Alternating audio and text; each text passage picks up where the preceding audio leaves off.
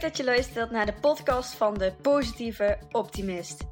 Mijn naam is Romy van den Berg en met deze podcast hoop ik je vooral te inspireren, maar ook te motiveren.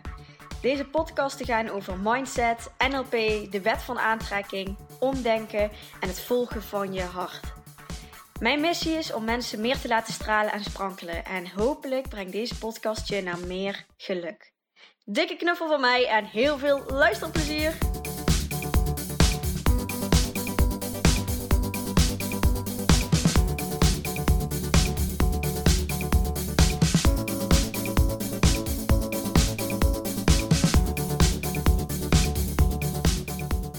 Hey, daar ben ik weer met een nieuwe podcastaflevering. Ik ben een paar dagjes terug van mijn hele fijne skivakantie in Oostenrijk.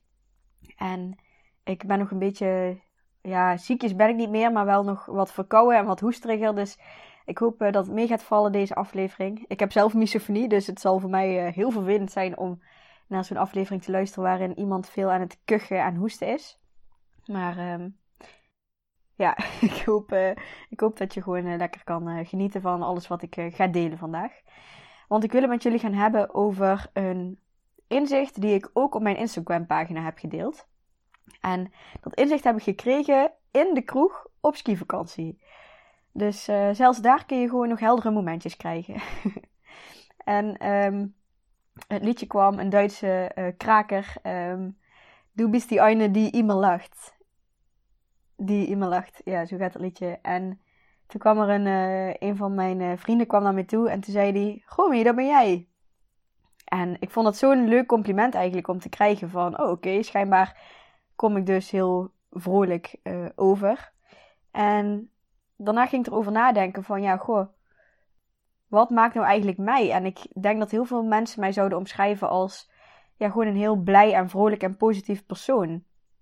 En natuurlijk ben ik dat niet altijd, want iedereen heeft uh, uh, zijn contrastdagen. Daar ben ik ook heel blij mee, want als ik altijd in die happy vibe zou zitten, dan ja, dan zou je niet eens weten dat dat een happy vibe is. Dan is dat gewoon normaal en dan geniet je er denk ik ook minder van. Dus het is goed om contrast te hebben. En, uh, maar goed, ik kwam er wel achter van, oh ja, dat is wel echt iets wat, wat bij mij hoort en bij mij past. En wat ik vaak terugkrijg ook van um, uh, volgers op Instagram. Dat ze zeggen van, oh Romy, je bent zo positief en ik zou ook wel wat positiever in het leven willen staan. En ja, ik heb dat altijd wel uh, gelezen, maar het kwam nooit niet echt binnen. En daar in die kroeg uh, kwam hij wel binnen. Toen dacht ik, jeetje, ja, dat is eigenlijk wel iets wat echt mij ja, onderscheidt. En wat echt is ook wie ik ben. En voor de vakantie was ik veel bezig met, met talenten. En ja, wat maakt mij nou mij? En wat maakt mij onderscheidend? En wat willen mensen van mij leren? Wat willen ze van mij weten? Wat,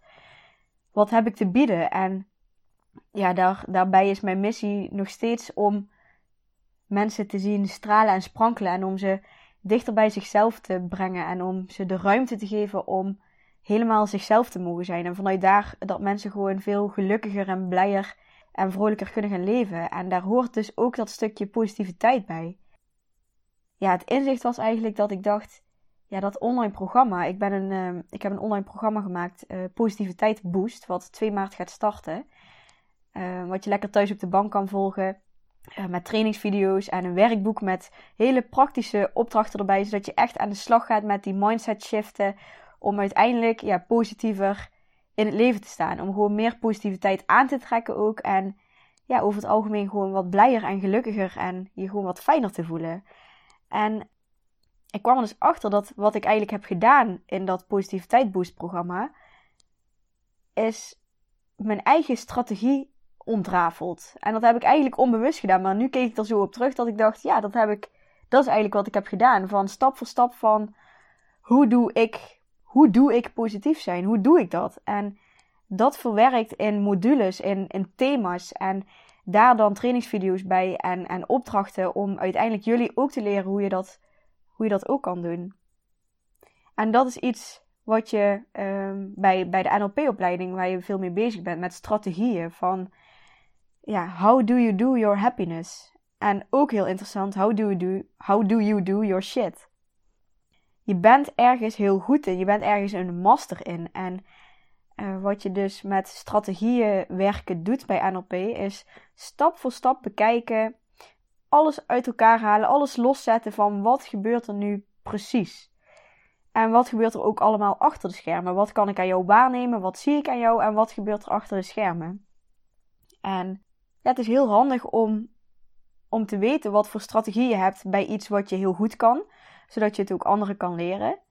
Uh, en het kan ook heel nuttig zijn om een strategie te onderzoeken uh, bij iets waar je helemaal niet blij mee bent dat je het zo doet. Dus bijvoorbeeld, ik heb wel eens mijn misofonieklachten onder de loep genomen. Van wat gebeurt er nou eigenlijk precies op zo'n moment dat ik die misofonieklachten krijg? En dat start bijvoorbeeld uh, met uh, dat ik bij een gezelschap ben. En dat is dan ja, vaak mijn gezin of met mijn vriend samen. Omdat ik die geluiden ook uh, herken en die komen dan harder binnen. Dus het begint aan, aan tafel. En al voordat er gegeten wordt, gaat mijn hartslag iets omhoog. Dat merk ik. Dan word ik al een beetje gespannen, omdat ik weet, er gaan dadelijk geluiden komen. Dus vooraf ben ik er al mee bezig en ben ik mezelf al aan het voeden met uh, gespannenheid en angsten. En uh, oh jee, dadelijk is het weer zover, dadelijk gaan we weer eten samen.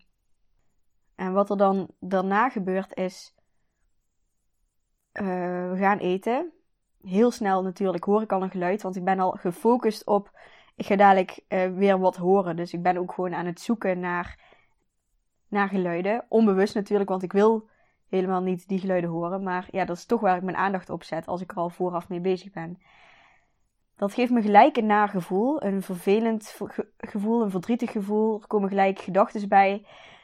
Ze begrijpen me niet. Uh, waarom heb ik hier last van? Uh, ik ben de enige die hier last van heeft. En doe niet zo moeilijk, Romy. Het, het is maar eten. Eten is menselijk. Uh, heel veel verwijten naar mezelf. Heel veel oordelen naar mezelf. En ja, een, een stuk onbegrip hoort er ook bij. En dat heeft dan weer te maken met het ontstaan van die misofonie. En wat je dan toch onbewust uh, weer meeneemt elke keer als je weer getriggerd wordt daarin.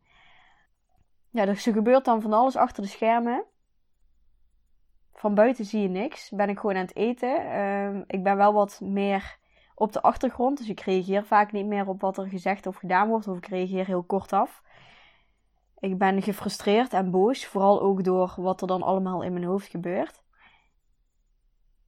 En ja, dat maakt dat ik gewoon een heel negatief gevoel krijg en dat het zich eigenlijk continu, ja, het hele avondeten herhaalt. En wat er vroeger gebeurde is dat ik het ook dan de hele dag meenam. En dat is natuurlijk niet heel handig. Dus in ieder geval, eh, dit is nou een beetje een, nog een globaal voorbeeld. Je kan nog veel dieper intunen om echt stap voor stap te kijken van, goh, wat, wat gebeurt er nu precies? Maar dit is even een globaal voorbeeld van eens onder de loep nemen van, hé, hey, wat? Hoe doe ik? Hoe doe ik last hebben van misofonie? Hoe doe ik dat? En dat is misschien ook een interessante voor jou om eens te onderzoeken als je ergens ja, zo gedraagt of, of voelt zoals je eigenlijk niet zou willen. Van hoe gaat dat proces dan? Dat heb ik ook vaak bij klanten van, oh ja, dan heb ik zo'n zo'n dag waarin ik gewoon de hele dag loop te piekeren. En dan, oké, van hoe. Dan ga ik vragen van hoe ontstaat zoiets? Waar, waar start het en waar eindigt het en wat zit er tussenin? En heel specifiek, heel gedetailleerd. En dat is heel interessant om eens te onderzoeken van, goh ja, dat wat ertussenin gebeurt, dat maakt dat ik dit hele patroon ga doen zoals ik het altijd doe. En de kunst is om dat stukje eruit te halen of te vervangen wat maakt dat het patroon weer het patroon wordt. En dat kan als je er bewust van bent geboren, wat, wat jouw strategie is, wat gedetailleerd wat je precies aan het doen bent. Kun je op het moment dat het weer gebeurt, kun je daar bewust van raken en een andere keus maken. Plus er zijn ook technieken voor bij NLP die ervoor kunnen zorgen dat het ja, onbewust wat ge, geshuffeld en uh, geshift wordt. Ja, iets wijzigen in je formule, in jouw strategie, zorgt dus voor een ander resultaat. En andersom, want nu hebben we het dus over de, uh, een negatieve vorm van een strategie. Iets waar jij heel goed in bent, waar je eigenlijk vanaf wil, waar je eigenlijk uh, ja, niet dient. Maar het kan ook zijn dat je bijvoorbeeld dus zelf iets heel goed kan en dat je het onder de loep gaat nemen zodat je het anderen kan leren. Of dat een ander iets heel goed kan. En dat is ook wat je bij de NLP masteropleiding gaat doen. Dan ga je iemand modelleren en dan ga je dus precies onderzoeken hoe doet diegene dat? Hoe doet diegene dat wat die zo goed kan, wat voor hem of haar zo vanzelfsprekend is? Hoe doet hij dat? En ja, alles wat een ander kan, kun jij leren, kan jij ook. Dus dat is gewoon super interessant om eens gewoon te vragen ook aan een, aan een, aan een topsporter of um, iemand die heel goed is in zijn vak of ja, iemand uh, die goed kan uh, tekenen, uh, weet ik veel wat. Om eens gewoon te onderzoeken van hoe doe jij dat? Heel gedetailleerd, stap voor stap. Hoe doe jij? Dat is eigenlijk de vraag die, die erbij hoort. Super leuk om, om te onderzoeken bij iemand. En dat is ook wel vaak waar ik mee bezig ben als ik iets nieuws wil leren. Dus bijvoorbeeld uh, met skiën, met boksen, met um, ja, noem maar op. Dan ga ik echt heel gedetailleerd kijken van, goh, wat, wat is diegene nou precies aan het doen? En wat gebeurt er achter de schermen allemaal? En dat is vaak, dat moet je dan toch vaak even uitvragen. Maar het is gewoon een super interessante vraag. How do you do your happiness? Of how do you do your shit? Dat is dan weer handig voor jezelf om dat eens te onderzoeken. Ja, en bij die shit gaat het vaak mis met de gedachten en de belemmerende overtuigingen die je hebt in dat patroon, in die strategie die, ja, die niet helemaal uh, helpvol is. En die maken dat je een negatief gevoel krijgt en niet het resultaat krijgt wat je eigenlijk zou willen. En het is dus de kunst om je daar bewust van te worden en om te oefenen met een andere strategie, met net een andere draai, met net een andere uh, kijk of een andere gedachte die je gaat pakken in plaats van die gedachte die je normaal pakt. Of ja, je gaat het gewoon heel anders aanpakken, wat uiteindelijk dus gaat zorgen voor een ander resultaat. Super handig. Ja, dus misschien een leuke opdracht voor jezelf om eens wat op te schrijven wat, um, waar je last van hebt, waar je eigenlijk vanaf wil. En om eens antwoord te geven op de vraag van hoe doe jij dat? Hoe doe jij je slecht voelen? Hoe doe jij piekeren? Hoe doe jij niet in slaap kunnen vallen? Hoe doe jij slecht opstaan? Hoe doe jij uitstellen? En ga dat eens stap voor stap in mini mini kleine details omschrijven van wat gebeurt er dan precies? Waar begint het, waar eindigt het en wat zit er tussenin?